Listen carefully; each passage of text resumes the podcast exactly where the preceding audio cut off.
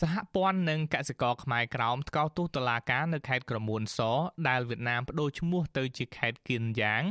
ដែលបានបន្តតម្កល់សារក្រមផ្ដន់ទាទោសកសិករខ្មែរក្រោម3នាក់ឲ្យជាប់ពន្ធនាគារពី2ឆ្នាំដល់9ខែ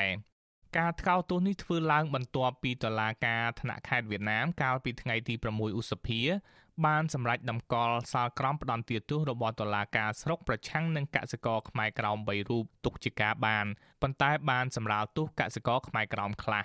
កសិករដែលត្រូវតុលាការសម្រាលទោសនោះរួមមានលោកហ្វិនវ៉ាងដែបពីជាប់ពន្ធនាគារ2ឆ្នាំ6ខែ នៅត្រឹម2ឆ្នាំ លោកទៀនដាមផ្ដន្ទាទោសឲ្យជាប់ពន្ធនាគារ2ឆ្នាំ3ខែ មកនៅត្រឹម2ឆ្នាំ និងលោកទៀនណាមផ្ដន្ទាទោស1ឆ្នាំ មកនៅ9ខែវិញកសិករខ្មែរក្រោមលោកហ្វិនវ៉ាងដែបដែលជាអ្នកស៊ីឈ្នួលភ្ជួរដីស្រែឲ្យពលរដ្ឋខ្មែរក្រោមប្រាប់អាស៊ីសេរីកាលពីថ្ងៃទី8ឧសភាថាសាលក្រមតុលាការវៀតណាមមានលក្ខណៈអយុត្តិធម៌ចំពោះលោក និងខ្មែរក្រោមពីរអ្នកផ្សេងទៀតពីព្រោះពួកគេ ជាជនរងគ្រោះនៃការរំលោភយកដីដូនតា ពីសំណាក់អាជ្ញាធរវៀតណាមដីទឹកនឹងដីទឹករបស់ប្រជាជននៅស្រុកនៅភូមិនឹងតាំងពីណាមកនោះហើយដល់ពេលហ្នឹងពួកវាហ្នឹងនិយាយរួមមកពួកអាញាធរហ្នឹងវាគិតយកបច្ច័យគ្នាវាលក់វាដូរឯនោះបាទបងប្អូនជាកសិករទីឈ្នួលបើកអាអ៊ីស្វ៉ាទ័រហ្នឹងទីឈ្នួលម្ចាស់ដីទៀតអូនគ្រាន់តែណាក់ទីឈ្នួលបើកយកលុយទេហើយនឹងអូនក៏អត់មានបង្ករបួសស្នាមឲ្យដល់ អាញាធរវៀតណាមដែរនៅមុនសវនាការលោកហ្វិនវ៉ាងដែបត្រូវបានអាជ្ញាធរវៀតណាមចាប់ដាក់ពន្ធនាគារអស់រយៈពេល3ខែកាលពីឆ្នាំ2020ក្រោយអាជ្ញាធរវៀតណាមបានប្រើប្រាស់អំពើហិង្សាបង្ក្រាបកសិករខ្មែរក្រោម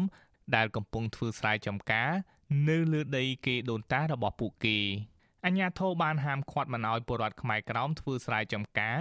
ដោយអះអាងថាដីរបស់ខ្មែរជាដីរបស់រដ្ឋវៀតណាម ពាក់ព័ន្ធទៅនឹងសារក្រមតឡាការវៀតណាមប្រឆាំងនឹងពលរដ្ឋខ្មែរក្រោមនេះប្រធាននាយកដ្ឋានព័ត៌មាននៃសហព័ន្ធខ្មែរកម្ពុជាក្រោមព្រះភិក្ខុសឹងយើងរតនាមានថរដីកាថាទោះបីតុលាការវៀតណាមបន្ធូរបន្ថយទោសកសិករខ្មែរក្រោមក៏ដោយក៏រឿងនេះជារឿងអយុត្តិធម៌ដោយសារតែកសិករជាជនរងគ្រោះនៃការរំលោភយកដីធ្លីពីសំណាក់អាជ្ញាធរវៀតណាម បើនៅតែជាអំពើអយុត្តិធម៌ចំពោះកសិករខ្មែរក្រមប្រថាកសិករខ្មែរក្រមជាម្ចាស់ស្រុកជនជាតិដើម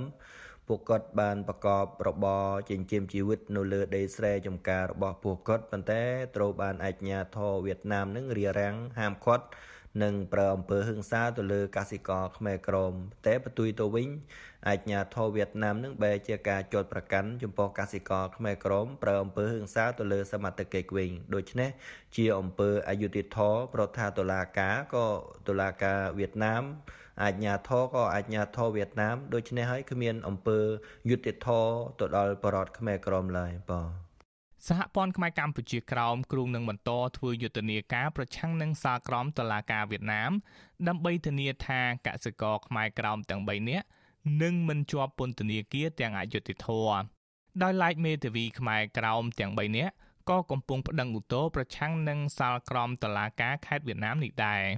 ពាក់ព័ន្ធទៅនឹងសាលក្រមប្រឆាំងកសិករខ្មែរក្រោមនេះដែរ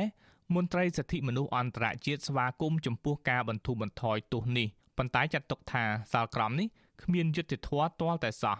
លោក Phil Robertson នាយករងប្រចាំតំបន់អាស៊ីរបស់អង្គការ Human Rights Watch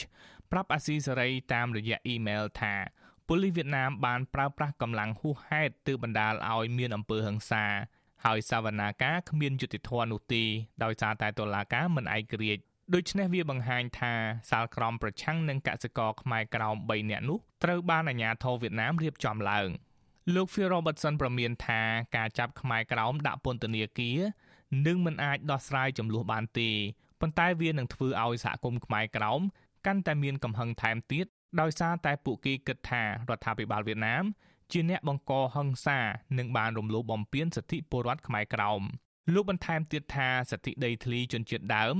តែងតែរងការគំរាមកំហែងពីសំណាក់អាជ្ញាធរវៀតណាមដែលបដិសេធមិនទទួលស្គាល់សិទ្ធិនេះពលរដ្ឋខ្មែរក្រោម ដែលធ្លាប់បង្កបង្កើនផលលើដីរបស់ពួកគេជាច្រើនឆ្នាំមកហើយនោះ បានបាត់បង់ដីធ្លី និងរងការចាប់ខ្លួនដាក់ពន្ធនាគារបន្ថែមទៀតខ្ញុំយុនសាមៀនអាស៊ីសេរីប្រធានាធិបតី Washington